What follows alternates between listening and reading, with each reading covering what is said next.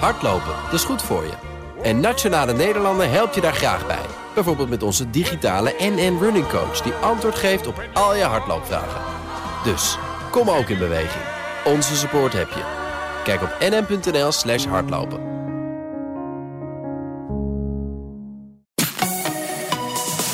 BNR Nieuwsradio. Boekenstein en de Wijk. Hugo Rijksma. Adkrit Sabret. Открыть, собрать. Работают плечи. Hippe Russen blijven fit in de niet-werkdagen, zoals president Poetin ze noemt. Стороны ноги.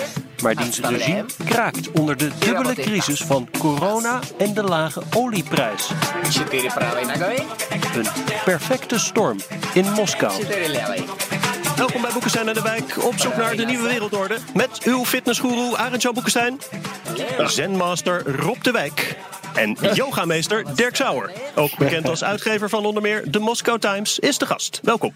Dirk, jij woont in Moskou, maar bent nu in het mooie Domburg. Even voor de beweging?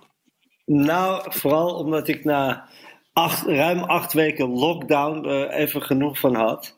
Ja. En bovendien, mijn vrouw was al eh, eh, een tijdje geleden naar Nederland vertrokken om haar 88-jarige moeder uit het verzorgingstehuis te halen voordat de corona daar zou toeslaan. Ah. Dus die, die zorgt nu al eh, ruim twee maanden voor haar moeder hier. eh, en dat is nogal intensief. Eh, dus die moest ik ook, of moest ik, die wilde ik ook graag helpen.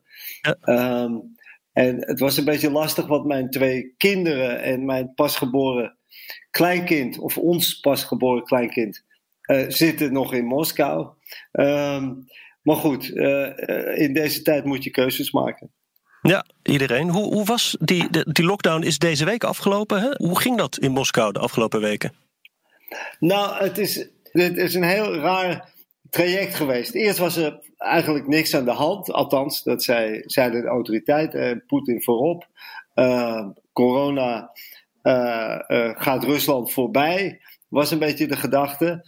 Ehm, en toen ineens eh, eh, sloeg het om. En we, nou ja, moest ineens Moskou op slot. Uh, en dat ging echt uh, een harde lockdown. En ze het introduceerde toen ook een, uh, een systeem dat je, als je naar buiten wou gaan, je dat van tevoren moest aanvragen. Je moest een pasje hebben. Een code moest je hebben om daarmee op straat te gaan. Dus dat was echt hardcore. Uh, maar zoals altijd in Rusland, um, de regels zijn één ding, maar de uitvoering daarvan is iets heel anders. dus de eerste week hielden mensen zich daar wel aan. Maar al snel zag je, oh, het was steeds meer mensen. En eigenlijk de afgelopen twee, drie weken stelde die lockdown eigenlijk heel weinig meer voor. Uh, het was wel zo dat de supermarkten, de shoppingmalls en zo. Uh, of de supermarkten waren open, maar de shoppingmalls en de restaurants, die waren wel gesloten. Maar voor de rest ging iedereen eigenlijk zijn, zijn, zijn gang. Rob, het is wel fascinerend hè, dat als je, jij, jij kijkt natuurlijk ook veel naar, naar wat er in Rusland gebeurt en dat je nu zo'n grote crisis hebt, hoe dat in ieder land verschillend wordt ja, aangepakt. Ja, ja, in principe is het natuurlijk hetzelfde als hier in Frankrijk wat er uh, verordeneerd is. Wij konden ook alleen maar uh, met een papiertje, uh, zeg, pasje de straat op.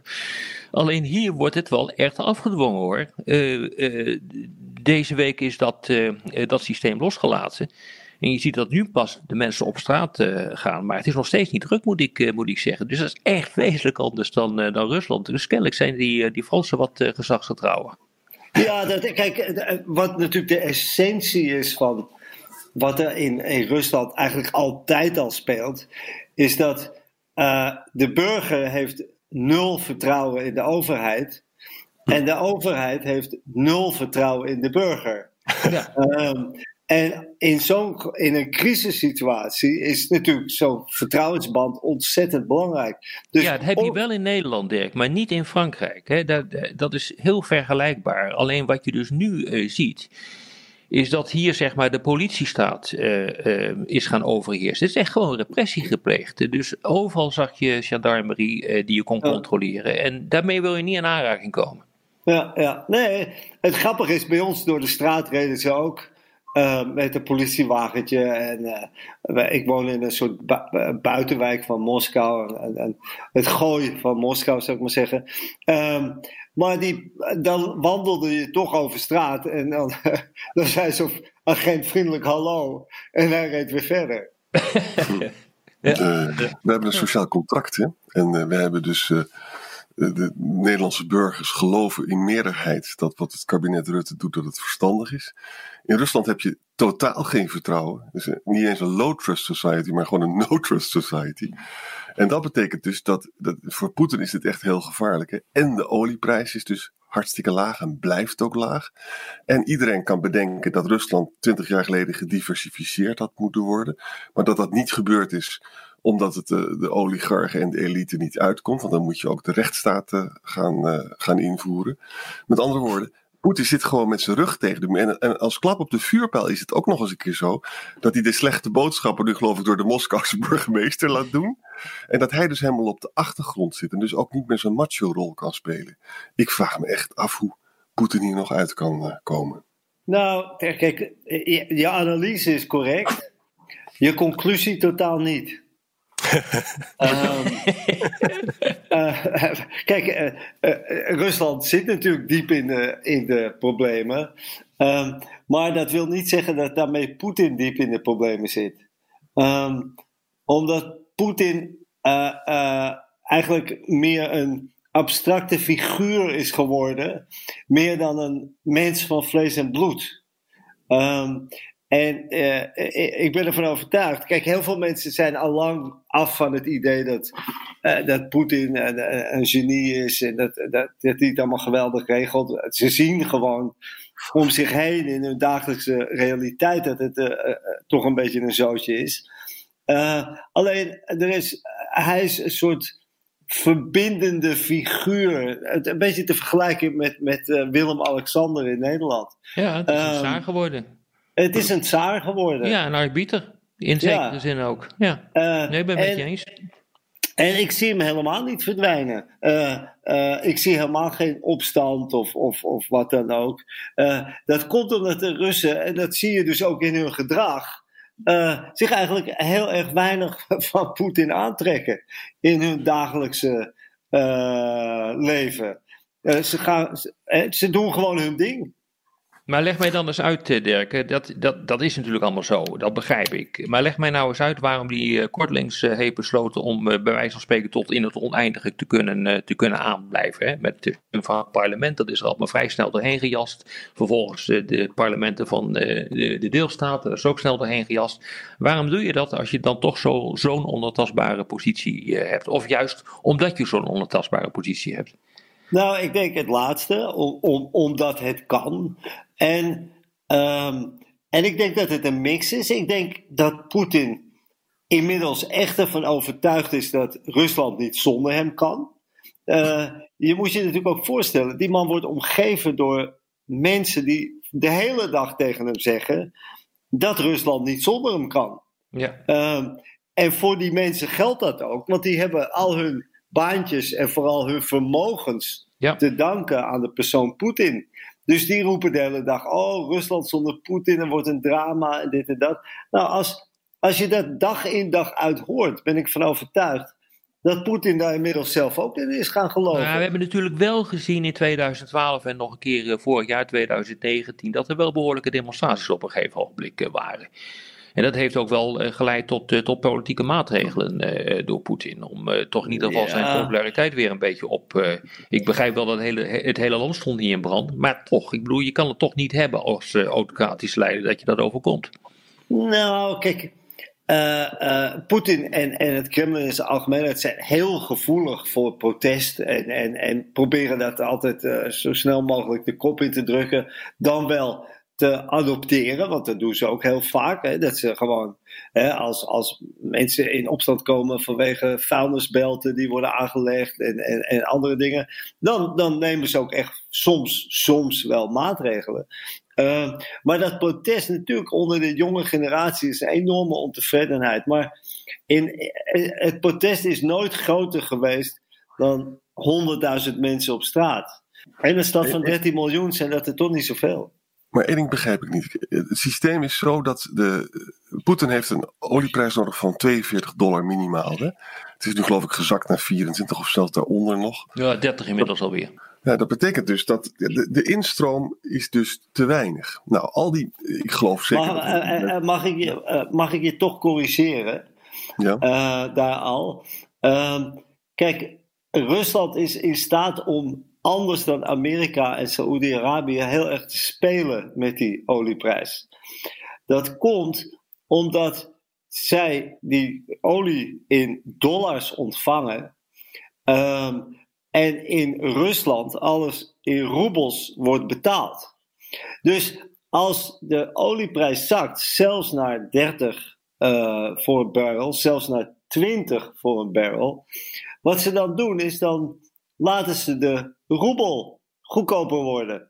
Ja. Dus eh, daarmee verarmt natuurlijk de Russische bevolking, want die kunnen met die roebels minder kopen. Maar eh, eh, de schatkist blijft redelijk in stand. En Rusland heeft natuurlijk enorme reserves. Ze hebben eh, eh, na China de grootste reserves in de wereld. Dus dat, die economische druk. Het is natuurlijk vervelend. Je hebt liever een olieprijs van 60 eh, eh, dollar.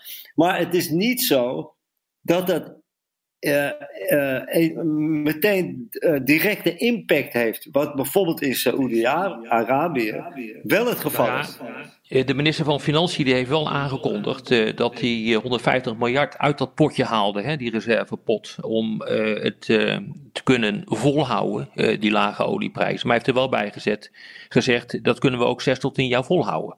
Ja. Eh, of dat nou echt zo is, want ik kijk ook nog even een paar jaar geleden hoor, eh, terug, vijf jaar geleden, toen eh, was het echt heel nijpend. En Toen reservepotten ook eh, snel naar beneden. En toen begon het toch echt wel een probleem te worden volgens mij. Dus ik deel Maar- het verhaal hoor, wa- wat je zegt, maar het, is niet, het geldt niet voor in de oneindigheid. Nee, niks geldt voor in de oneindigheid. Maar, maar het, het grappige is, macro-economisch staat Rusland er eigenlijk super goed voor. Ja, weinig Ehm, schuld.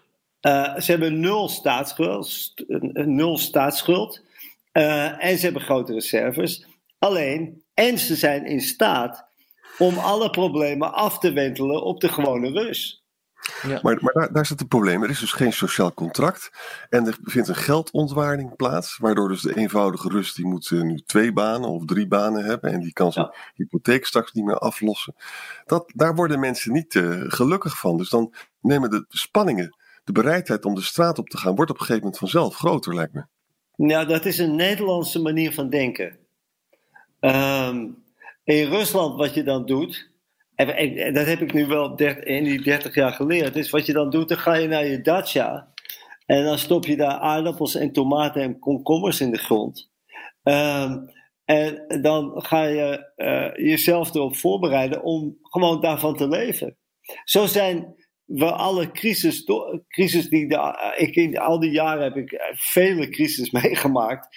Ehm, en ja, elke keer weten Russen toch op een hele creatieve manier daar een oplossing voor te vinden. En ze hebben allemaal een stukje land. Eh, ze gaan allemaal, kunnen ze daarvan eh, eh, leven. Ehm, er zijn natuurlijk maar heel weinig Russen met een hypotheek. De meeste hebben gewoon ooit van Yeltsin een huis gekregen, hun, flat gekregen. Ehm, dus de algemene voorzieningen in Rusland zijn natuurlijk vrijwel gratis. Hè? Gas, licht, medische zorg. Het is, de kwaliteit ervan is allemaal zeer laag, maar goed, het is er. Dus eh, om te kunnen overleven, om dus geen honger te hebben, zoals in Amerika bijvoorbeeld, eh, heb je in Rusland maar heel weinig nodig. BNR Nieuwsradio. Boekenstein en de Wijk. Op zoek naar de nieuwe wereldorde. Dit is Boekenstein en de Wijk. En dat programma is natuurlijk niet zonder Arend-Jan Boekenstein en Rob de Wijk. Mijn naam is Hugo Reitsma. En onze gast is Dirk Sauer, media- en yoga-ondernemer in Moskou. En we hebben het al meteen heel veel over economie en politiek. Maar misschien toch nog eventjes, hoe, hoe gaat het eigenlijk in de zorg nu? Eh, al die onderwerpen waar we het hier ook over hebben. IC-capaciteit en dat soort dingen. Eh, hoe gaat het met de mensen die ziek worden in Rusland? Dirk. Ja, ehm, wij, ik, wij volgen dat het allereerst met de Moscow Times heel, heel nauwkeurig, maar ook in de familie. Want mijn schoondochter is zelf arts. Uh, dus die heeft heel veel uh, contacten, uiteraard, uh, waar zij werkt en, en, actief is. Um, de situatie is natuurlijk, ze, waren daar totaal niet op voorbereid. Um, maar er is toch wel snel gehandeld door de autoriteiten. Um, in, in, in eigenlijk een paar weken tijd, een beetje à la China, hebben ze van die grote noodziekenhuizen neergezet. Uh, en ze hebben in no time in Moskou hebben ze meer dan 10.000 bedden gecreëerd. Uh, en iets van 4.000, 5.000 geloof ik zelfs, IC-bedden. Uh, dus er is wel veel gedaan. Alleen het grote probleem is het volledig gebrek aan medisch personeel. Uh, want je kan wel bedden neerzetten en je kan wel uh, beademingsapparatuur uh, inkopen, maar iemand moet dat natuurlijk bemannen. Bemensen, zeggen we tegenwoordig. Um, en daar is het probleem. En een bijkomend probleem is omdat die artsen totaal niet waren voorbereid op deze crisis is het dus in heel veel ziekenhuizen volkomen misgegaan. En zijn het juist de artsen en het verplegend personeel, die zijn juist ziek geworden. Dus je hebt, je hebt situaties waar de helft in, in een ziekenhuis, hè, waar, waar, wij, uh, die, die, situaties kennen wij heel goed, waar de helft van het ziekenhuis vol ligt met uh, artsen en verplegers en de andere helft met echte patiënten. Um, en de enige manier waarop ze nu de boel draaiende kunnen houden, is doordat ze alle medische studenten, vanaf dus het eerste jaar medische student, die ziekenhuizen in hebben gejaagd. Uh, om daar uh, de boel uh, te assisteren en, en, en, en draaiende te houden. Het is echt een, een drama wat dat betreft is het een, een dramatische situatie. Ja. En Dirk, jij zegt van uh, eigenlijk uh, is, is Poetin de, de politiek een beetje ontstegen. Maar volgens mij was, terwijl in andere landen, hier met Rutte en bij Rob met Macron, die, die stijgen dan in, in populariteit eh, tijdens de crisis. Een soort rally round the flag effect, zegt men dan. Maar volgens mij is Poetin de enige leider wiens populariteit daalt. Hoe verklaar je dat?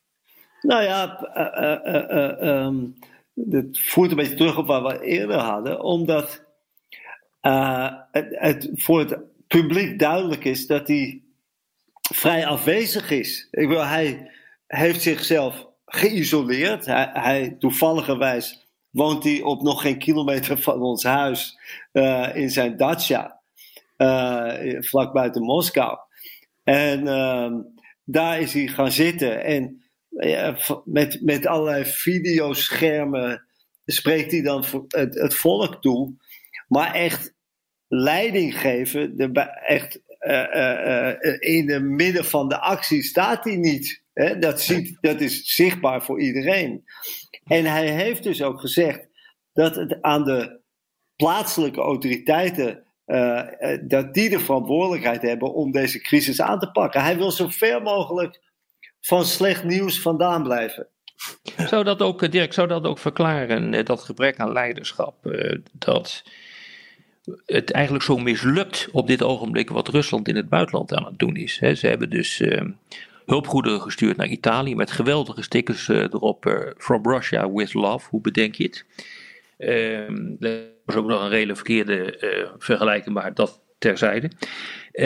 maar dat heeft helemaal niet opgeleverd wat het de Chinezen wel heeft opgeleverd. Namelijk veel meer, laten we zeggen, aardbaarheid van het land. dankbaarheid dat, dat die hulpgoederen zijn gekomen. Daar hoor je helemaal niks meer van. Bij China was dat totaal het omgekeerde. Uh, hoe is dat dan te verklaren? Nou ja, kijk, het, het is duidelijk dat Poetin door zichzelf zo lang uh, af te zonderen, de, de, de, de regie voor zover die hij, hij die al had, dat hij die is kwijtgeraakt. Um, en ja, het is natuurlijk. Kijk, wij hebben allemaal het beeld van Rusland, Poetin, de man die alles beslist. Uh, de man die, die uh, uh, de, de, grote lijnen uitzet en details kent, nou ja, enzovoort, enzovoort. Maar de werkelijkheid is, is een stuk anders. Met name daar waar het binnenlands beleid betreft. Kijk, Poetin is geweldig als hij met, met, met Trump of Macron of, of, of wie dan ook, dus op het geopolitieke toneel zijn spel kan spelen. Maar in de Russische bureaucratie ja, eh, eh, eh, roept hij wel van alles, maar, maar er gebeurt niks. Ik zeg, hè, dus een goed voorbeeld is dat medisch personeel. Hè, dus nou ja, het hele land zag hoe die, hoe die artsen eronder lijden. En toen heeft Poetin besloten dat alle artsen een bonus zouden krijgen van 1000 euro per maand. en dat is voor Rusland veel geld. Um, en nou, dat werd avond aan avond, hoorde je dat Poetin heeft besloten, bla bla bla. Nou, de, de eerste arts die dat geld gekregen heeft, nog worden gevonden. Um, dus dan wordt zoiets bekendgemaakt, maar de uitvoering, daar gaat het dan weer helemaal mis. Nou ja, dat mhm. slaat natuurlijk als een boemerang terug. Hè? De, de artsenvakbond die uh, sprak uh, gisteren al van een cruel joke uh, die artsen hebben nog helemaal niks gekregen. Dat gevoel heb ik dus ook eh, met zijn buitenlands beleid op dit uh, ogenblik. Er zit weinig regie achter. dus je had, wat dat betreft, had je dus met die hulpgoederen aan Italië, had je goede sier kunnen maken. Is gewoon niet gebeurd. Ja. wat we tegelijkertijd zien, is dat de hoeveelheid desinformatie, propaganda die uit Rusland over het Westen wordt uitgestrooid. nou, ook reformen begint eh, aan te nemen. Boris Johnson eh, die is al heel erg boos over eh, geworden wat er in de Russische media is gemeld over, over zijn ziekte. Ehm, dat is toch vreemd. Het lijkt wel of het een beetje out of control is. Ja, nou ja, dat ben ik met je eens. En dat, dat komt natuurlijk voor een groot deel omdat Poetin eigenlijk van het toneel nu verdwenen is. Hm. je kan ja, ook weer niet, omdat hij dus tot, wat is het, 2036 in ieder geval kan aanblijven. Ja, ja, nee, nee, nee, maar ik bedoel op dit moment, hè, dat hij zichzelf geïsoleerd heeft. Ehm, en ja, uh, en, en dan via die videoschermen zijn ministers toespreekt. Maar dat is toch wat anders dan dat je gewoon echt uh, er middenin staat. Maar was, maar was dat nou niet al veel langer aan de gang? Hè? Um, ik heb het gevoel dat um, eigenlijk, uh, laten we zeggen, na de financiële crisis van, van 2008 het een uh, land is geworden en een heerser is uh, geworden die stuurt op financiële stabiliteit en stabiliteit van het land en that's it. En uh, Arjan noemde eerst dat sociale contract. dus dat, laten we zeggen, dat contract tussen de, de burger en de bevolking, waarbij de leider toch moet proberen die bevolking een beetje te bedienen in termen van welvaart. Dat dat op dat ook niet meer zo gespeeld heeft. En dan zie je vind ik in Rusland, maar jij woont daar, een eh, situatie op de kliek rond Poetin. Uh, het feitelijk bepaalt en zich steeds minder bekommert om uh, de mensen en er dus ook minder een eenduidig beleid kan worden gevoerd. Ja, natuurlijk. Kijk, kijk de, de, de taart is natuurlijk veel kleiner geworden. dat is gewoon zo. Hè? Ik bedoel, toen die olieprijs natuurlijk hoog stond, toen kwam het geld met bakken binnen. en, en, en elke Poetin-achtige oligarch, die was binnen no time miljardair en kon doen en laten wat hij wou met dat geld. Um, en nu kan dat niet meer. En dus die, die, er is natuurlijk sprake nu van ook een, een, strijd tussen al die verschillende fracties. Want je moet ook niet vergeten dat Kremlin, dat is niet één geheel waar alle, de koppen allemaal dezelfde kant op staan. Integendeel, dat zijn elkaar bevechtende en bestrijdende fracties. Ja, geldt zelf voor de inlichtingendiensten. Ja, ja, precies. Daar ook. Eh, met allemaal hun eigen belangetjes. Als er nou, als er nou minder te verdelen valt, hè, dat, is, dat is het geval. En het, en het volk uh, mort steeds harder. Dan zou je ook kunnen verwachten dat Poetin nog meer repressie gaat doen. Of in ieder geval nog meer controle. Zijn daar tekenen van? Ja, dat proberen ze zeker. Met name natuurlijk, kijk, ze zijn natuurlijk begonnen met de media. Hè? Er speelt nu weer een groot schandaal rondom eigenlijk de laatst overgebleven serieuze krant van Moskou, van Rusland. En die heet Vedemos, die, die heb ik zelf nog opgericht. Uh, wat is het, twintig jaar geleden of zo. Uh, met de Financial Times en de Wall Street Journal. En uh, uh, nou, er is nu een enorm schandaal in Rusland, omdat de hoofd, de, zijn nieuwe hoofdredacteur benoemd, die banden heeft met Rosneft. Uh, en, en de baas daarvan is Igor Sechin. En dat is weer een van de beste vrienden van Poetin. En, nou ja, en die, die, die heeft al verboden dat er kritisch over Poetin wordt geschreven in die krant. Terwijl dat is de hele essentie van die krant. Om juist onafhankelijk en kritisch te schrijven. Dus kijk, je, je ziet het natuurlijk op elk niveau. En ze proberen bijvoorbeeld ook het internet al heel lang steeds meer onder controle te krijgen. Uh, de ene repressieve wet naar de andere wordt er uh, doorheen gejaagd. Dus ja, dat is een. Kijk, ze zijn natuurlijk een richting ingeslagen. Um, van meer repressie, omdat er minder populariteit is. Dat is gewoon zo. Poetin is niet meer uh, de, uh, de, de super populaire leider. Maar daarom is die vergelijking met die tsaren zo goed. Um, in, het, in de tijd van de tsaren, die waren ook niet populair. Hè? Uh, want ja, al die landeigenaren, mensen die. De horigen en, en nou ja, de enorme armoede. Maar dat werd toch als een symbool gezien van, van het Rusland. Dus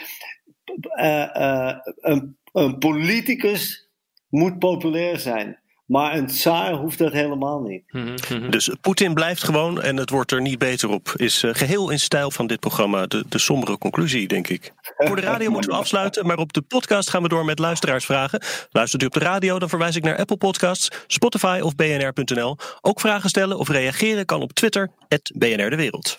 Eh, Johan Biloos vraagt: Kan Poetin de coronacrisis en oliedip overbruggen met zijn financiële reserves en op afgebouwde staatsschuld? Ondertussen halen de lage prijzen de productiecapaciteit van concurrenten onderuit en zullen de prijzen dus omhoog schieten bij herstel en heropleving van de vraag. Johan ziet een uh, mooie toekomst weggelegd alsnog. Ja, voor de Russische olie-economie. Daar hebben we het al eerder over gehad. Uh, hij, uh, ze zijn in staat om de 150 miljard per jaar nu in te, sto te stoppen iets, iets dergelijks. Dus uh, dit houden ze nog wel eventjes vol en dan uh, maar hopen dat het overwaait. Ja. ja ik, denk dat, ik denk eerlijk gezegd dat een, eh, een, totale vergroening van Europa een veel grotere bedreiging is op termijn. Ik bedoel, ik zie dat ook niet 1, 2, 3 gebeuren dan die lage olieprijs nu. Nou ja, kijk, dat is denk ik, wat, je, hè, wat jij zegt, dat is precies de crux. Want wij maken ons zo druk over Rusland. Uh, uh, maar zodra wij ons energiebeleid ook maar uh, ietsje meer zouden wijzigen en niet meer afhankelijk zouden zijn van Russische olie of gas hè, door vergroening, dan eh, heeft Rusland geen poot meer om op te staan. Ja, ik heb eens een keer uitgebreid gesproken daarover met Miller, de grote baas van, van Gazprom. En dat was ook naar aanleiding bij dat hij de gaskraan had uh, dichtgedraaid naar Oost-Europa. Ik zei, nou, als je nog een paar keer dat doet, dan is, het, dan is het mogelijk gebeurd. Nou, zegt hij, dat zal toch allemaal wel meevallen? Nou, dat viel dus niet mee, want de Europese Unie heeft toen maatregelen genomen. Ja, inmiddels is dat natuurlijk allemaal weer verwaterd door de aanleg van Nord Stream 2. Uh, dus ja, uh, ja, je dat ziet is, wel. Dat is, kijk, dat is, de, dat is eigenlijk de tragiek. Want er wordt heel veel over. Je hoort Europa heel woedend over Russische inmenging en dit en dat. Maar ze hebben een ongelooflijk makkelijk instrument om er wat aan te doen. Uh, Rusland zal, zal meteen heel veel toontjes lager zingen als, als wij wat doen aan onze vergroening van onze samenleving. En dat is, het is in ons eigen belang. Uh, maar het dwingt dan ook Rusland om zich heel anders op te gaan stellen. Ja. En er komt nog iets bij. Hè. In, in de anderhalve meter economie is sowieso de olieconsumptie gaat naar beneden. En dat is gewoon natuurlijk geen goed uh, verhaal voor de Russen of voor Midden-Oosten en ook niet voor Amerika trouwens. Ja. Dus, dus ze hebben sowieso een probleem, denk ik. Ja, ze hebben sowieso een probleem. Ze hebben wel alternatieven achter de rug. Uh, Rusland is natuurlijk. Uh, uh, Rusland-Oekraïne wa was de graanschuur van de wereld. En is dat opnieuw aan het worden. landbouw. Dus Poetin heeft heel veel dingen slecht gedaan, maar een paar dingen heeft hij dan wel, wel heel goed gedaan. En de afgelopen jaren is de landbouw in Rusland enorm snel gemoderniseerd. Met als gevolg dat Rusland nu een van de grootste graanleveranciers van de wereld is. Um, en uh, vroeger, hè, toen, eh, al die jaren dat ik daar woonde, moest alles worden geïmporteerd. Hè, waren ze gewoon afhankelijk van voedselimporten. Uh, maar nu is Rusland uh, snel een, een van de grootste voetbal, voedselexporteurs aan het worden. En dat kan een heel belangrijke pijler onder die economie worden. En dat zou ook veel gezonder zijn voor Rusland. Aangejaagd door de sancties overigens, hè? Ja. Ja, grappig is, dat hebben wij, hebben wij ja, gedaan. Ja. ja. Eh, Bob Bouw vraagt: hoe gaat een economisch verzwakt Rusland de politieke verhoudingen in Centraal-Azië veranderen, ook gezien Belt and Road, de schulden van Rusland aan China en de Chinese omgang met de Oeigoeren? Mm, Centraal-Azië. Ja, Centraal-Azië, ik denk dat hij heel Azië bedoelt, inclusief China. Ja, niet, niet echt, denk ik. Nee, als ze wat willen, dan uh, zullen ze zich richten op Europa, maar niet militair, maar wel met desinformatiecampagnes gecontroleerde chaos, zoals dat uh, zo mooi heet. Hm. En natuurlijk wel dat China is natuurlijk gewoon veel sterker dan Rusland. En, uh, en, maar het was al zo dat, dat Rusland slechte prijzen kreeg voor, voor de energie naar China toe. Hè? Omdat China, Kazachstan en Rusland tegen elkaar uitspeelden. Dus eigenlijk China is gewoon de, de sterke partij hier. En Rusland is veel kleiner. Ja, precies. Ja. Wat Arjan zegt is ook daar een heel belangrijke observatie. Uh, Poetin uh, heeft gezegd, hè, we gaan van, uh, van Europa als belangrijkste handelspartner verschuiven naar China als belangrijkste handelspartner. Nou, daar zijn ze wel van een koude kermis thuisgekomen. met, met Europa kan je een goede prijs afdingen. een goede vriend van mij is, zit in, is, is een topjurist bij Gazprom, dus die zit met al die contracten. Hij zegt, als je denkt dat je een contract afgesloten hebt, dan begint het onderhandelen pas bij de Chinezen. Ja. Um, die, zijn spijker, die zijn spijker en spijker hard. Nou ja, dat zie je dus ook met die, uh, met die gaspijpleiding die, ik meen, december vorig jaar is uh, geopend. Uh, van Rusland naar, naar China. dat heeft tot nu toe heel erg veel geld voor Rusland ge gekost. En nog niet heel erg veel opgeleverd. En de vraag is of het ooit helemaal rendabel zou kunnen gaan worden. Die Chinezen die lachen om de Russen. Ja. ja. Maarten van Wely. Als olieprijzen permanent laag blijven, kan Poetin dan ooit de middenklasse rustig houden of wordt hij dan weer agressiever in buurlanden? Tja. Nou, ik denk dat die twee niks met elkaar te maken hebben. Dat is misschien, uh, misschien moet uh, Dirk iets zeggen dan over die interne situatie, maar daar hebben we het eigenlijk al over gehad. Maar het heeft weinig met elkaar eh, te maken. Die hele discussie die we op dit ogenblik hebben met hybride uh, dreigingen vanuit Rusland, dus desinformatie, gedoe met hitteams van de GRU die hier aanwezig zijn en nou, al dat soort dingen. Dat heeft veel meer te maken, laten we zeggen, met alle oude Russische omsingelingscomplexen. En het idee dat ze elk moment kunnen worden, uh, kunnen worden opgesloten door, uh, door het Westen. Wat natuurlijk ook niet het geval is. Maar er zit, er zit veel meer het idee achter dat je de tegenstander op voorhand moet gaan uh, verzwakken. om ervoor te zorgen dat hij later niet agressief kan worden. Ideeën, dat vind je ook heel erg sterk terug in de Russische militaire doctrine, de veiligheidsdoctrine. En dat heeft geleid tot, tot dit beleid. Volgens mij gaat het allemaal niet werken, omdat het eh, Westen veel en veel minder eh, ontvankelijk is eh, voor al dit soort gedoe dan, dan zij denken. Maar dat zit er denk ik achter. En dan vervolgens heb je de hele discussie over, over wat de economische effecten zijn, ook voor de sociale stabiliteit in dat land. Ja, nou, wel belangrijk om inderdaad even die middenklasse aan te stippen. Want die middenklasse die was een factor, ik zeg het was een factor van belang. Want onder, natuurlijk, onder Yeltsin en de eerste acht jaar onder, van Poetin uh, is de middenklasse enorm gegroeid. Hè? Dus het midden- en kleinbedrijf en, en uh, middengrote ondernemingen enzovoorts. Maar wat we juist hebben gezien de afgelopen jaren, en of dat nou bewust beleid is, dat is moeilijk te beoordelen, maar is dat dus eigenlijk de hele middenklasse is verwoest dus de, uh, er is een enorme uh, hernationalisatie plaatsgevonden van uh, grote bedrijven. Die zijn allemaal ingepikt door vrienden van Poetin. en het midden- en kleinbedrijf is totaal gemarginaliseerd. Dus nu 70 tot, sommigen zeggen zelfs 80 procent van de economie is nu weer in staatshanden. Het is eigenlijk gewoon weer een oude Sovjet-staat geworden waarbij alleen nog de kappers en de restaurants en de barretjes in, in privéhanden zijn. Maar, maar belangrijke bedrijven bijna allemaal onder controle van het Kremlin. Ja. Dan was er tot slot nog een hele discussie tussen luisteraars naar een tweetje van Marco Smit. Die vroeg als Europa moet kiezen tussen een strategische lange termijn energierelatie met Rusland of met Saoedi-Arabië, welke keuze is dan verstandiger? Nou, die keuze gaan we niet maken.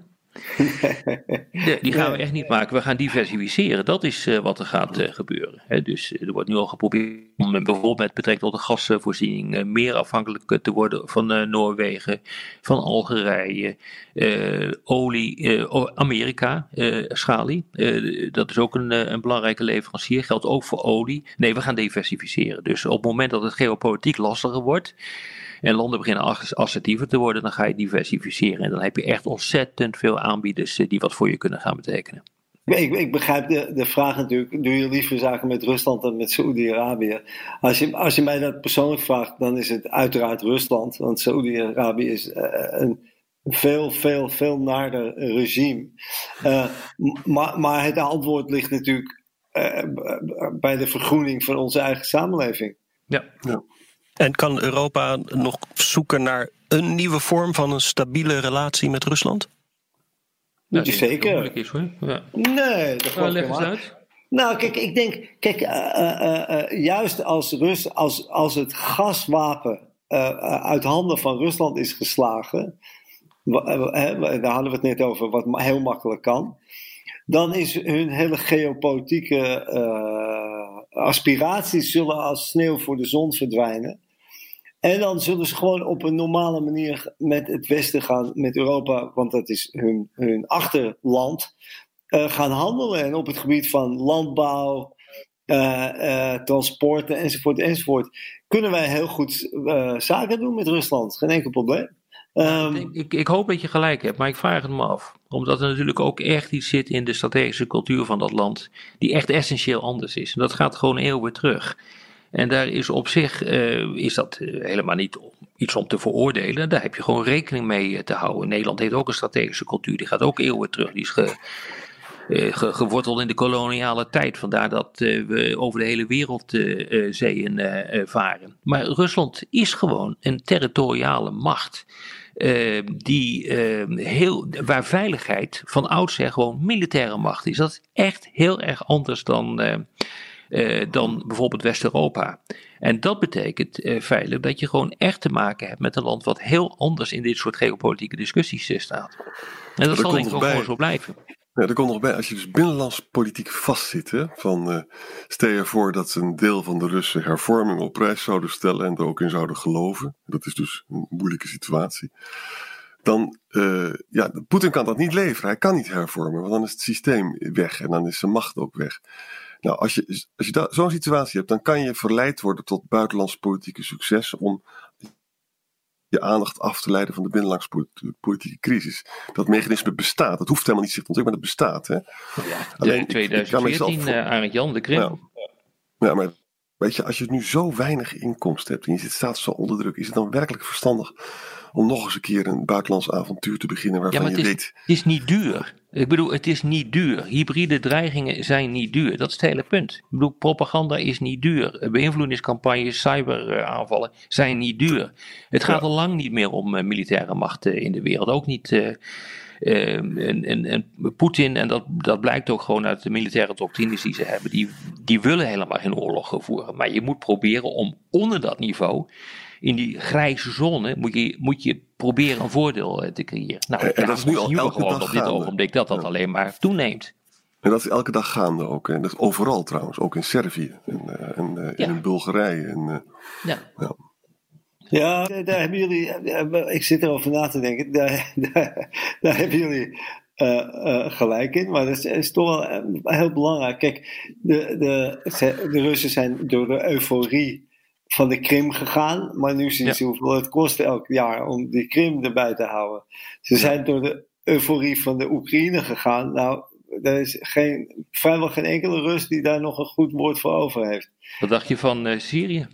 Eh, ze zijn door nou, Syrië gaan. Nou, Syrië is dan. Want da- daar hebben ze dan weinig eh, verlies geleden. En, en daar lijken ze dan toch min of meer succesvol te zijn. Maar goed, de, de Russische. Eh, Russen staan echt niet te springen om nog weer door zo'n. Kijk, dat, dat, op een goed moment werkt dat ook niet meer zo, weet je wel. Dat, dat is geprobeerd, het is gedaan, hebben we gehad.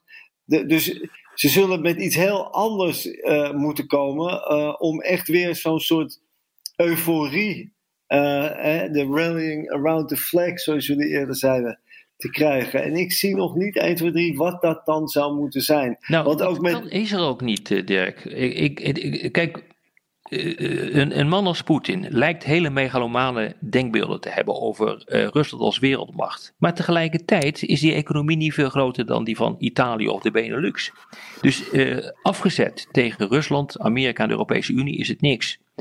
En, en ik denk dat dat, dat, uh, dat, dat eens een keer moet indalen in, in Rusland dat men wat dat betreft uh, door begint te krijgen dat het dus nooit een geopolitieke speler kan zijn als nummers 1, 2 en 3. En dat denkt men wel. En daar zit denk ik een groot probleem. Dus de, dan kun je twee dingen doen in zo'n situatie. Je kunt proberen, net zoals Noorwegen dat doet, allemaal prachtige dingen uh, te verzinnen door uh, vredesprocessen op gang te blijven. Of je kunt ontregelen. Voorlopig heeft Rusland gekozen voor een strategie van ontregeling. Ja, en uh, ik denk dat ze daar wel een keer op terug gaan komen, want die kun je niet eeuwig volhouden. Maar voorlopig nee, is dat wel. Nee, dat klopt helemaal. En, en ook het succes daarvan is buitengewoon uh, discutabel. Ja, uh, want al, al, die spionnen, al die spionnen worden uiteindelijk geïdentificeerd en, en, of gepakt of, of belachelijk gemaakt op sociale media. Weet je wel. Dus ook daar hebben de Russen beginnen toch wel ernstig hun schouders over op te trekken hoor. Ja. Daarmee sluiten we af. Dit was weer Boekenstein en de Wijk. Namens Arend-Jan Boekenstein en Rob de Wijk. Dank voor het luisteren. Speciale dank aan Dirk Sauer. En tot volgende week. Business Booster. Hey ondernemer, KPN heeft nu Business Boosters. Deals die jouw bedrijf echt vooruit helpen. Zoals nu, zakelijk tv en internet, inclusief narrowcasting... de eerste 9 maanden voor maar 30 euro per maand. Beleef het EK samen met je klanten in de hoogste kwaliteit. Kijk op kpn.com businessbooster. Business Booster.